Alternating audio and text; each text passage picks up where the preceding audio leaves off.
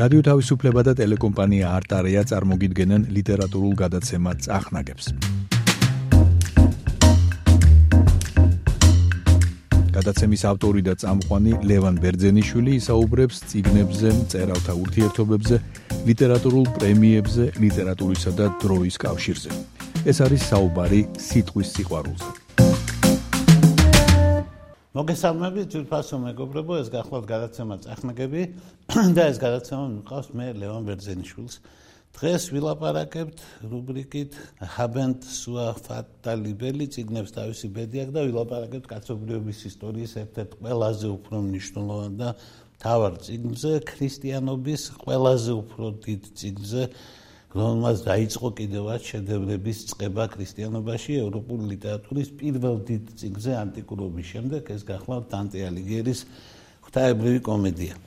დანტე რომ გაგვეთ ცოცხლებინა ჯერ ვერ გაიგებდა რას ვეძახით, იმიტომ მისი სახელი იყო დურანტე დელი ალიგიერი და დანტეთი შეიძლება თლათ ვერ ვეცნეთ, მაგრამ ყველაზე უფრო გაოცებული დარჩებოდა რომ ეთყოდით რომ შენ დაწერე ღთაებრივი კომედია, იმიტომ რომ დანტეს ღთაებრივი კომედია ნამდვილად არ დაუწერია, თუმცა სწორედ ეს ნაწარმოები არის მისი სახელისა და დიდების საფუძველი. il somma poeta, რომელები იტალიელები ამბობენ უდიდესი პოეტი, იგულისხმება დანტე, როცა ამბობენ პოეტი, ასევე დანტე იგულისხმება, იმიტომ რომ იგი გახდა ყველაფერი როგორც ჩვენთან სახელებით არიან ცნობილი შორთა ილია აკაკი და ასე იქ არის დანტე ცნობილი როგორც პოეტი რა იტყვი პოეტი იგულისხმება დანტე ალიგიერი. მას გაუკვირდებოდა რომ ღვთაებრივი კომედია დაწერა. იმიტომ რომ არც ღვთაებრივი დაუწერია და კაცმანო თქვას არც კომედია დაუწერია ის წერდა რაღაცას რასაც სახელი არ ჰქონდა. მაგრამ მაგ პერიოდში ყველაფერი რაც კარგად იწება და ცუდად თავდება იწერება ლათინურად არის ტრაგედია და ყველაფერი რაც ცუდად იწება და კარგად თავდება იწერება იტალიურად და არის კომედია. ასე ეძახიან.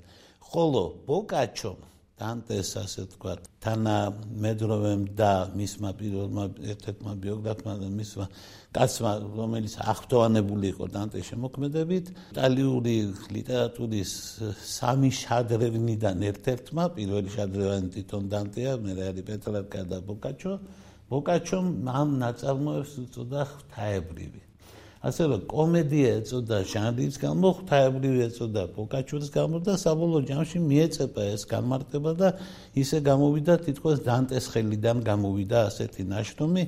დანტე ისეთი მოგრძალებული პოეტი იყო, რომ თავის ნაშრომს ღვთაებრივს ვერ დაარქმევდა, ასეთი ეპოქა.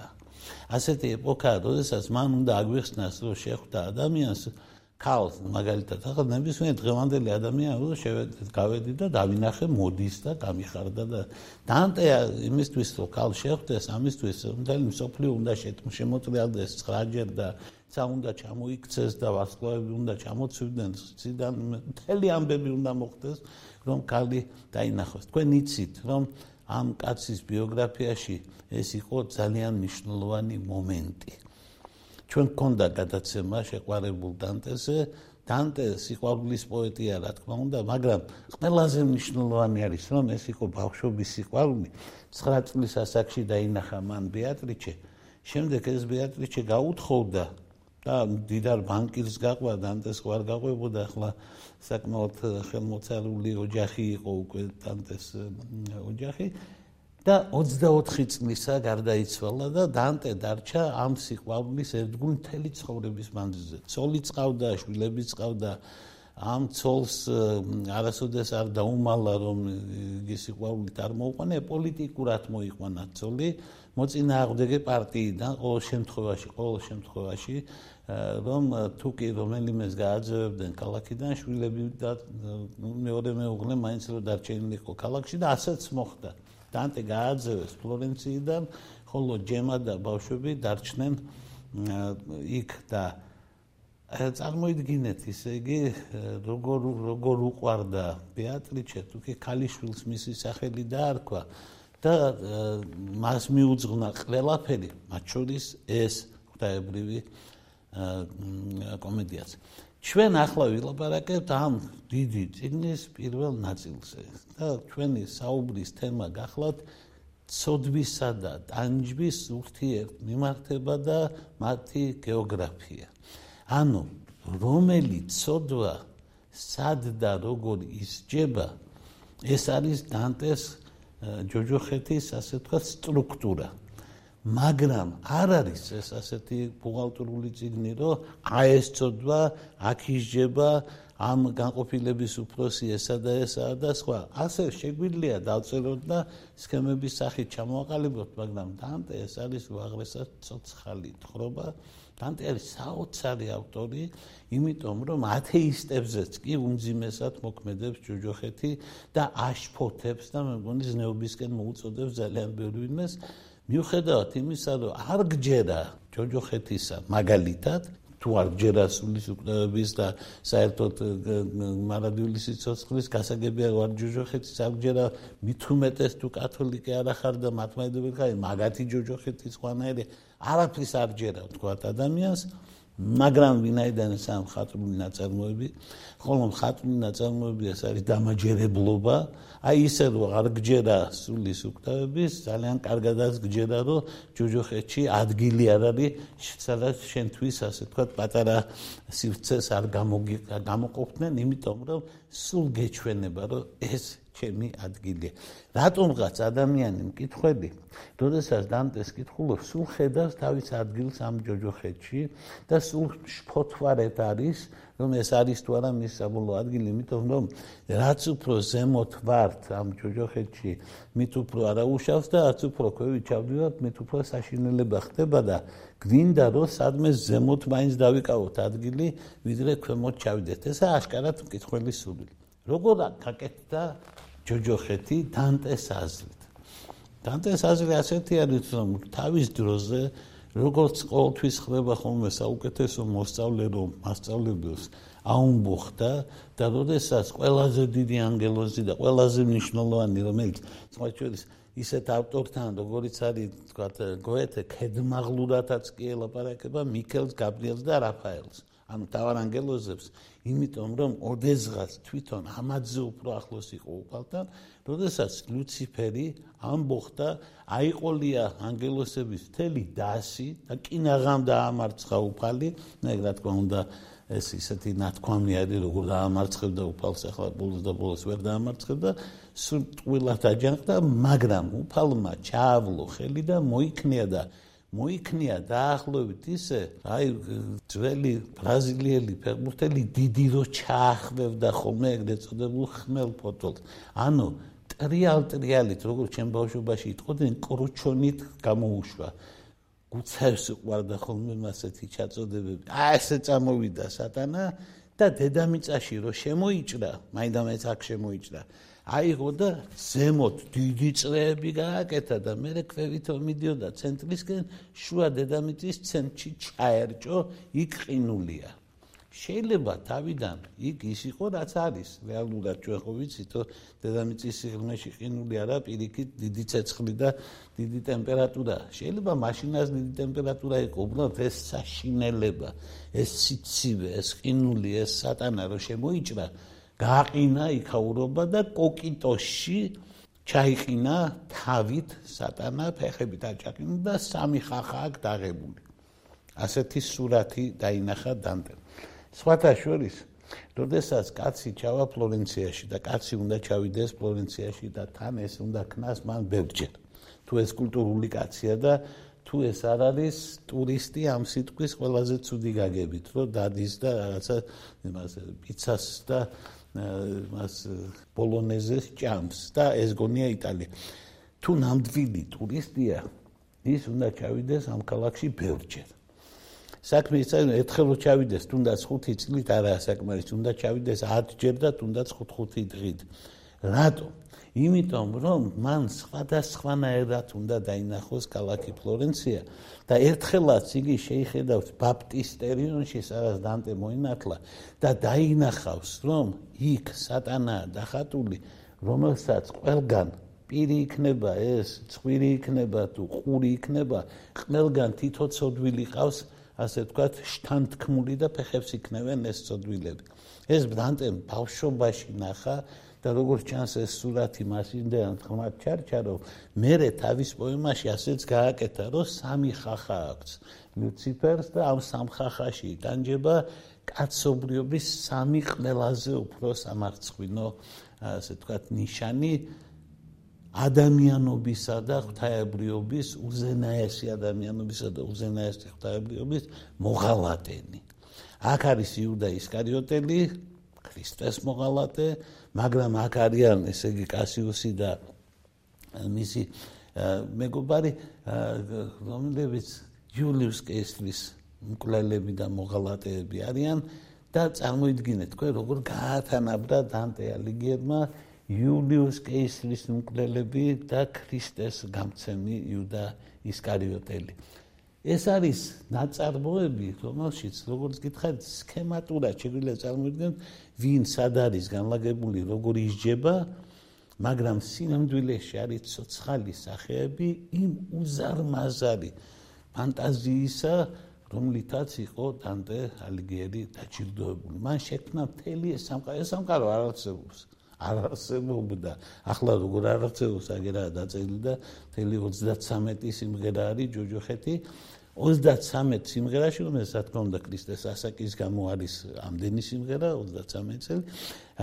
ამ 33 სიმღერაში ნაჩვენები არის დედამიწაში რო შემოიჭრა ეს პატიოსანი თო სულიათუ პატიოსნო ლუციფერი რა კვალი დატოვა და ეს რო შემოიჭრა და ასე რო ჩააღრმავა დედამიწა და კოკიტოში რო აღმოჩნდა ჩარჭობილი ასე ვთქვათ ამან რა გამოიწვია? ამან გამოიწვია რომ მეორე მხარეს დედამიწისა მთა მოიწიდა ეს განსაცმენდელის მთა არის. ანუ უფალმა რომ მოისროლა ეს საკმაოდ შეცვალა ასე ვთქვათ დედამიწის გეოგრაფია გაჩნდა მასში ჯოჯოხეთი ჩასასვლელი არის სადღაც იერუსალიმის מחლობლად, ვინც უნდა ჩავიდეს და დანტე ალიგიერი პირველი და ერთადერთი ცოცხალი ადამიანი მოხდა ჯოჯოხეთში 1300 წელს. რატომ 1300 წელს? იმიტომ რომ ყოველ ასეთ მრგვალ წელიწადში ორი ნოლით რომ დავდება ველოდებით მეორედ მოსვლას. აგერ გულუყილო ხალხი ვარ და მეოთხე საუკუნეო დამთავრდა 21-ის დასაწყისშიც ველოდებოდით. ეღოველებმა რამდენიმეჯერ გადაწიე გადმოწიეს, იმიტომ რომ ნუ ახლა მოლოდინი იმდენად მყარი იყო, რომ გაუგებარი იყო მისი არ მოსვლა, მაგრამ ბოლოს და ბოლოს კი არის ნათქვამი რომ მალე მოვა ეს მალე რას ნიშნავს? მე მგონი დაახლოებით ისეთი სიტყვა საქართველოს და ნატოს წევრი გახდება 2000 წელს ითქვა რომ საქართველოს და უკრაინა აუცილებლად გახდებიან ნატოს წევრები და ჩვენ ვეკითხებით რომ და ისინი გვეუბნებიან მალე და ჩვენ ვიცით რომ ეს იქნება მაგრამ არ ვიცით რას ნიშნავს მალე. ზუსტად ასე არის მეორეთ მოსლის ამბავი და 1300 წელსაც ელოდებოდა. დანტე ასე იწყებს თავის პოემას რომ შპენი ცხოვრებისო ძალიან მომწონს ეს ჩვენი რუსთაველს გავს ჩვენ ეგეცა გვეამების ჩვენი ცხოვრების ნახევარგზაზეო უცებ აღმოჩდიო უღრან ტყეშიო. გზა უნდა და გაეკვლია თუ გზას გაიკვლებდა ის აღმოჩნდებოდა იმ თაზე ჩვენ რო ახსენეთ ანუ განსაცმელის თაზე პირდაპირ სამოთხეში ნუ აა უნდა ჩაიდინო ასეთი რომ პირდაპირ სამოთხეში აღმოჩნდე მაგრამ ჩვენი გზა ძირითადად არის განსაცმენელში ნუ ჩვენი ოღონდ კათოლიკეები თუ იქნებით, იმიტომ რომ ჩვენი მართლმადიდებლური ეკლესია განსაცმელად საერთოდ არ აღიარებს პურგატორიუმი ჩვენთან არ არის, მაგრამ იმათ აქვს. და იქ უნდა მოხვედრა, მაგრამ სამი ცხოველი გადაეღობა.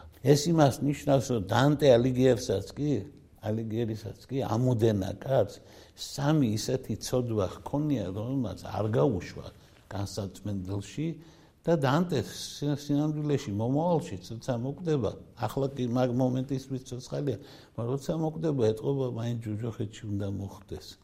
ვინაიდან ის ცხოველები არ გაუშვებენ იქ სადაც საჭიროა.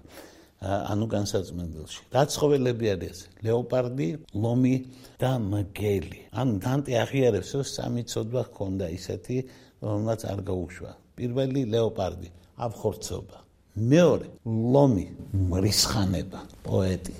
რისხანი იქნებოდა თქო უნდა გამწარებული იყო თან პოლიტიკოში პოლიტიკაში იყო თან გააძევეს თავისი ქალაქიდან ვერ დაბრუნდა ვერასოდეს ახლა ის ქალაქი ხვეწება მის ნეშტს. არის დიდი საუბრები და ყოველწლიურად წამოიწებენ ხოლმე დიდი საუბარი არის ფლორენციასა და რავენას შორის მოგვეცი საფლავი მაგრამ რავენას აფლავს არ ართმობს რასაც ქალაქის ბიუჯეტის ნახევარია დანტეს საფლავი მოგეხსენებათ. მთელი მსოფლიო იქ ჩადის თან რა საფლავი აქვს გაკეთე უწყინვალესად ეს ცოდვა რო ეკნებოდა მრისხანება გასაკვირი არ არის. ყველაზე უცნაურია რომ დანტე მაგიარა მესამე ცოდვა. ეს გახლავთ მგელი ანუ ანგარება. რას გულისხმობს არ ვიცით პოლიტიკაში იყო, რამე კორუფციაში იყო გარეული და რაღაც ძალიან ძნელი წარმოსადგენი ასეთი სუფთა კაცი, ასეთი დიდი პოეტი, მაგრამ ამბობს, რომ მგელიო, მგელიცო, ჩემი ცოდვა არის. მოკლედ არ გაუშვეს ამათ და მხოლოდ ამის მერე გამოესარჩლა მას და გამოეხმაურა მას ვერგილიუსი, რომელიც მისი ჩიჩერონე გახდა და მისი მეგზური გახდა ამ ჯოჯოხეთში. ძალიან მნიშვნელოვანია რომ ჯოჯოხეთში შესვლის წინ მან დაინახა რომ მინდვრად ხალხი არის. რომელიც ჯოჯოხეთში ვერ შედის. და იკითხა რა არის ეს რა მდგომარეობა და ახსნა იყო ასეთი რომ ესენი ისინი არიანო ვინც არც იკეთე გააკეთა და არც ბოროტებაო და ჯოჯოხეთშიც კი ვერ შედიან. ასეთებიც არსებობენ. ამის მერე არის ჯოჯოხეთის კარები წარწერით დაივიწყე ყველა იმედი აქ შემოსვლელო. დანტე ალიგიერი ოქროს სიტყვებით გვეუბნება თუ საჩერდივად. შევდივართ იქ ჯოჯოხეთის უმარტივესი განმარტება. ეს ადგილი სადაც უნდა დაივიწყო ყველა იმედი. ჩვენ ვიცოდით რომ არის 7 სასიკვდილო ცოდვა. მოსალოდნელი იყო 7 წლე ყოფილიყო ჯოჯოხეთში დანტემ გააკეთა 9. რატომ? იმიტომ რომ დანტეს ჭირდება პირველი და მეცხრე სპეციალური წლები მისი გამოგონილი. პირველ წლს ქვია ლიმბი. ლიმბი არის წლე, რომელიც არის ჯოჯოხეთი და არ არის ჯოჯოხეთი, რომელშიც არ არის ტანჯვა, რომელშიც არის დრტბინვა, არო უმტკივნეულო წუხილი, მაგრამ არ არის წამება. აქ აღმოჩნდა ყველა ის ვისი დანაშაულიც არის რომ ქრისტემდე დაიბადა. აქვე აღმოჩნდა მისი აზრით მოუნათლავი ჩვილები. აქვე იყვნენ ძველი აღთქმის წმინდანები ქრისტეს წამებამდე. ჯვარს როაცვეს ქრისტე ძველი აღთქმის წმინდანები აქედან წავიდნენ პირდაპირ სამოთხეში. მაგრამ მოუნათლავი ჩვილები და სათნო არაქრისტიანენი იქ დარჩნენ. ანუ ჩვენთვის მაგალითად თუ არ ვარ არფული თავს ქრისტიანად, მაგრამ სათნო თუ არ შანსი გვაქვს პირველი წრე. კაცობრიობა ამ პირველ წრეს დანტეს გარდა იცნობს კიდევ ერთი ციგნით, რომელსაც ქვია კრუგე პერვამ პირველ წრეში, რომელშიც სწორედ ჯოჯოხეთის საბჭოთა ჯოჯოხეთის გულაგის პირველი წრე აღწერილი ეგრეთ წოდებული შარაშკები, სამეცნიერო დაწესებულებები, სადაც ხეთყეს კი არ ათრევინებდნენ აკადემიკოსებს, ანუ ფიზიკას შეამუშავებდნენ, მაგად გააკეთებინეს ატომური ბომბიც, თვითმფრინავებიც და ყველაფერი, საწყალ საბჭოთა მეცნიერებს შარაშკებში გამოკეთებს, სადაც დრტბინვა იყო, ტანჯვარი იყო, სადაც არ კვდებოდა ხალხი შიმშილით, იმიტომ რომ რაღაცას აჭმევდნენ და ამუშავებდნენ. შესანიშნავი რომანი დაწერა სოლჟენიცინმა, მე ვფიქრობ, რომ ხატრული თვალსაჩინო ეგ ყველაზე ძლიერი მისი ნაწარმოებია. თუ მოთხრობებს არ ავიღებთ რა თქმა უნდა. იმიტომ რომ ჯოჯოხეთი რო დაწერა ანუ არქიპელაგი გულაგი გასაგებია რომ იმაში მონაწილეობა მიიღო თელმა საბჭოთა კავშირმა არ ვიცი უამრავი ადამიანის ინფორმაცია არის იქ ჩატენილი და დანტე ამ ხრივ განსხვავდება ყველაფერი თვითონ მოიფიქრა. პირველი წლიც ნიმბიც მან მოიფიქრა. აქ არიან როგორც გითხარით ისინი ვისი დანაშაულიც არის ის რომ ისინი ადრე დაიბადნენ. ოღონდ ერთი შენიშვნა არის დანტესთან. თუ კი იოანეს სახარებას დაუჯერებთ, ქრისტე იყო ყოველთვის. მათ შორის мама ღმერთი რო სამყაროს ქმნიდა, კი ქვია იმას мама, მაგრამ ის არ არის მთავარი ღმერთი. სამყაროს რო ქმნიდა ის უკვე ქრისტე, ანუ ლოგოსი უკვე არსებობდა. ამას კი ეგონა რომ სამყაროს ქმნიდა, მაგრამ სამყარო უკვე არსებობდა. ამიტომ, იმიტომ რომ ასე იწყება იოანეს სახარება, ხო რომ უპირველესად იყო სიტყვა და სიტყვა იყო ღმერთთან და ღმერთი იყო სიტყვა და ეს სიტყვა ლოგოსი, ანუ აზრი იმისა, რაც უნდა შეიქმნას, არის ქრისტე. სიტყვა, ძალი, ეს ქრისტე. ამიტომ ქრისტე ყოველთვის იყო და ამ პატიოსანმა ხალხმა რა დააშავა სოკრატეებმა და პლატონებმა და სხვებმა ცოტა გაუგებარი და მეორე ყოველთვის იწვევდა ეჭს რა დააშავეს ჩვილმა მონათლავმა ჩვილებმა და მე მოხდა დიდი საოცრება 2006 წელს კათოლიკურმა ეკლესიამ სერიოზულად დაადგინა რომ ჩვილი მონათლავი ჩვილები სამოთხეში არიან აი ეს დადგენილება მიიღეს იმჟელეს დიდი მეცნიერები შეკრიბეს და დანტეს უპასუხეს. ნუ არა ხარ დანტე მართალი, ისინი იქ არიან. მეორე წლებში შევდივარ თუ არა იწება უბედურება. ჯერთ იგზის ჩვენი სიძე, ქართველების სიძე მინოსი. ეს გახლავთ ჩვენი სიძე, იმიტომ მისი მეუღლე კალბატონი პასიფაე მოგეხსენებათ. კირკეს და აიეტის დაარი მედეას მამიდა გახლავთ, დედი და მამით ქართველი კალია, რომელიც იყო კრეტა მიკენური ცივილიზაციის დედოფალი, მინოსის მეუღლე, მინოტავრის დედა, არიადნეს, ფედრას და ძალიან ბევრი დიდი გმირის დედა, უზარმაზარი ფიგურა ბერძნულ მითოლოგიაში. სხვა ჩვენ დავიწყებული ქართველების მიერ ეგ რომ ვინმე სხვა ყოფილიყო twins გადაჭამდნენ სხვა ხალხები და ჩვენებს პასიფაე არ ახსოვთ. ახლა ჯორჯ ბუშის ქუჩა გვაქვს და პასიფაე სახელი არ ვიცი და სკვერზეც არ ალაპარაკი მაგრამ დიდი კალი იყო.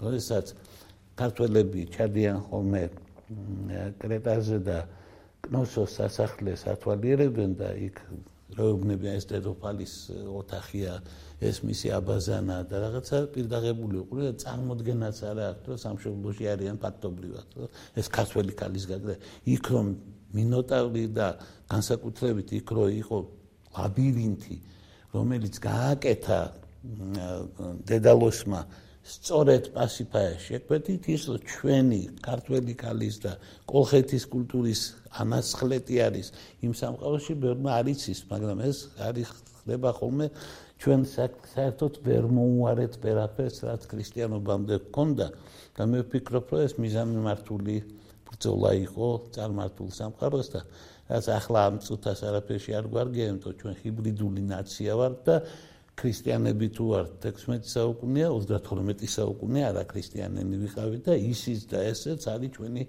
ერთობლივი შემადგენელი და სხვა ჩვენი ჩვენი ახსნა ასე უფრო იოლად შეიძლება, იმიტომ რომ თქვათ იოლად ვერ ჩავეტიეთ ამ ახალ რელიგიასა და კულტურაში. ასე ჩვენ ჰიბრიდული ეთნოსი უნდა ვიყოთ და ძალიან საინტერესო ცივილიზაციური თვალსაზრისით. მინოსი გვხდება იქ და მინოს აქვს გველის ტანი. და დაიგრიხება ეს ტანი და რამდენი კვანძიც იქნება, აი იქ მოხდება ცოდვილი. და ამის მერე არის ეს ცოდვები. და უცებ აღმოაჩენთ, რომ დანტეს აქვს ცოდვათა ძალიან საინტერესო იერარქია. დანტესთან არის მსუბუქი და მძიმე ცოდვები და რაც უფრო ხორციელია ცოდვა, მით უფრო მსუბუქია და რაც უფრო სულიერია ცოდვა, მით უფრო მძიმეა. ამიტომ არის, რომ ფაქტობრივად პირველი სატანჯველი ადგილი, ანუ მეორე წრე, ესა ავხორცობა.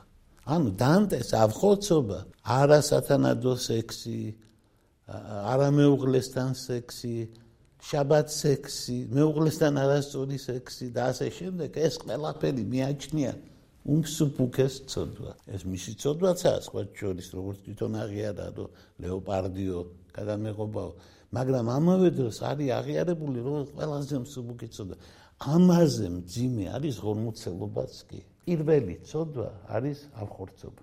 ეს ცოდვა ისჯება და როგორ ისჯება? გრიგალია და ქარიშხალი მიაქანებს იქით აქეთ საწყალი ცოდვილების სულებს და იმ კლდეებს, რომელიც არის ჯოჯოხეთში, ჯოჯოხეთი ძალიან პირხუში ადგილი არის მაგდალსა ესეთ. არის პიტალო კლდეები, უბედური ადგილები და საშინელი და საიზღარი მდინარეები და ასე შემდეგ და მიახეთქებს ამ სულებს კლდეებზე ჯოჯოხეთში ასე იგება ახორცობა. მე ვხედავ ჩემ თავს ისე როგორც ნებისმიერ მკითხველი, ეგრევე ხედავს თავის თავს ამ წლებში.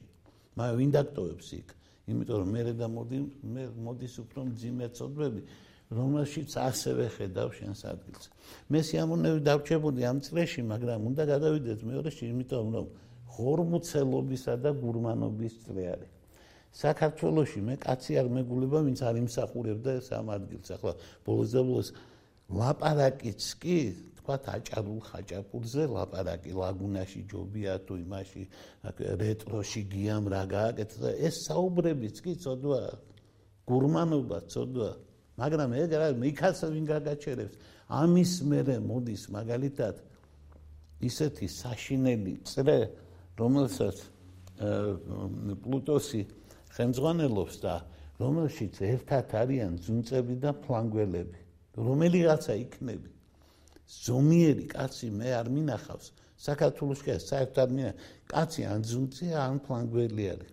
მერე და მერე კი მოდის ისეთი წლები, სადაც არ გინდა რომ იყო. ეს მაგალითად სისასტიკის წლები, სადაც არის, სადაც იჟებიან ადამიანები სისასტიკისთვის, მათ შორის საკუთარი თავის მიმართ სისასტიკისთვის, მეშვიდე წლე თვითკვლელების ადგილიც არის. ჩვენ შეიძლება არ გვინდა ყოფნა, მაგრამ ადამიანი 10 ლიტր აღვინოს ლოსვამს, ხოლმე თავს იკლავს და აი მე აჭიკა ყავას ლოსვამს, ის თავს იკლავს, მეცნიერება ამბობს და აქაც არის ჩვენი ადგილი არა არა უცილებელი კალაქტიონივით გადმოფრინდა რომელიღაცა საფთულიდან, მაგრამ მიუხედავად ყველაფრისა, აქ ჩვენი ადგილი აქ არიან კიდე ისინი, რომლებიც მკრეხელობენ. საქართველოში 87% კი ამბობს რომ მორწმუნეა მაგრამ 87%-ს ადგილი არის ამ მეშვიდე წლებში სინამდვილეში. თუ კარგად დაფიქრდეთ აი მაგას მე მოყვება ტყუილის ორი წლე და დანტე გენიალურად გააკეთა. მან აიღო და ტყუილი გაყო ორ ნაწილად. ერთი არის ტყუილი როდესაც შენ ადამიანს ატყუებ და მეორე არის ტყუილი როცა შენ შენიანს ატყუებ და მან თქვა რომ შენიანს რო ატყუებ მაგას ქვია ხალატიო და ეგ ყველაზე მძიმე ცოდვა. ან სხვას რო ატყუებ სხვას ისიც მძიმე ცოდვა? მერვე წლი არის მაგრამ საკუთარს რო ატყუებ. როდესაც იუდა ისკარიოტელმა ქრისტე მოატყუა როდესაც კასიუსმა და ლონგინოსმა იულიუს კეისარს უღალატეს და ჩასცეს מחვილი ე მათ შინაურს თავისიანს რა უღალატე ესაა ყველაზე მძიმე ცოდვა ამბობს. აი მაგ არ გვინდა ყოფნა. ეგ გასაგებია რომ მაგ ყოფნა არ გვინდა. დანტე ალიგიერმა მოიარა ეს ყველაფერი. რატო? იმიტომ რომ იგი 64-შია დაპატიჟებული. მაგრამ მან თქვა რომ 64-ში ვერ მოხვდები. ჯოჯოხეთი თუ არ გაიარე. ამას მე მრავალი საუკუნის შემდეგ დოსტოევსკი იტყვის, რომ ტანჯვის გზით მოიპოვება ბედნიერება. ეს გზა მან დაინახა. დანტე ალიგერმა, ალიგერი უბრალოდ გითხრა, როგორი არის ამის ყველაფრის გეოგრაფია. აი რას ნიშნავს, რომ ქურდი ეს არის გდელი. ქურდობა, ქურდობა იჟება იმით, რომ ადამიანი ხდება გდელი და მე ეს გდელები ერთმანეთს ებრძვიან და ესისინებიან და რატომ, რატომ, რატომ არის ქურდი გდელი? შეიძლება იმიტომ რომ ძალიან ასე უნდა რაღაცაში შეძვლეს ამის მაგრამ ის ხედავს ამის ყველაზე უფრო ზნეობრივ სურათებს.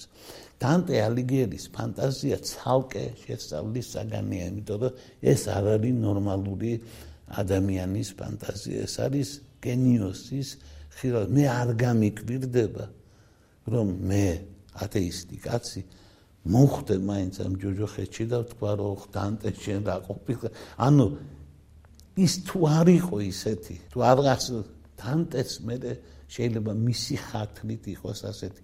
უფალი ჩვენს ციგნებს კითხულობს ეს იდეა დოსტოევსკის ეკუთვნის იმიტომ მან თქვა ერთხელ ასეთი რამ რომ თუ კი კიდევ ერთხელ მოვიდა სოდომის და გომორის ჩასატარებლად ჩვენ მას მიცემთ ციგნს და ეს ციგნი იქნებაო დონ კიხოტი ეს წაიკითხავს და იტყვის რომ კაი ცოცხლეთო დაგიმსახურებიათო. მე ვფიქრობ რომ ახლა შეგვიძლია უკვე დოსტოევსკის იდიოტიც მივცეთ მაგრამ სანამ ჩვენ უფალს ამ ციკს მივცემთ მანამდე მას ჯუჯოხეთი ეკნება წაკითხული. და მე არ ვიცი მოაწყო თუ არა მანი კაურობა ისე როგორც საჭიროა მაგრამ დანტეზე უკეთესი დიზაინერი არ შეიძლება ჯუჯოხეთისთვის მოიგონ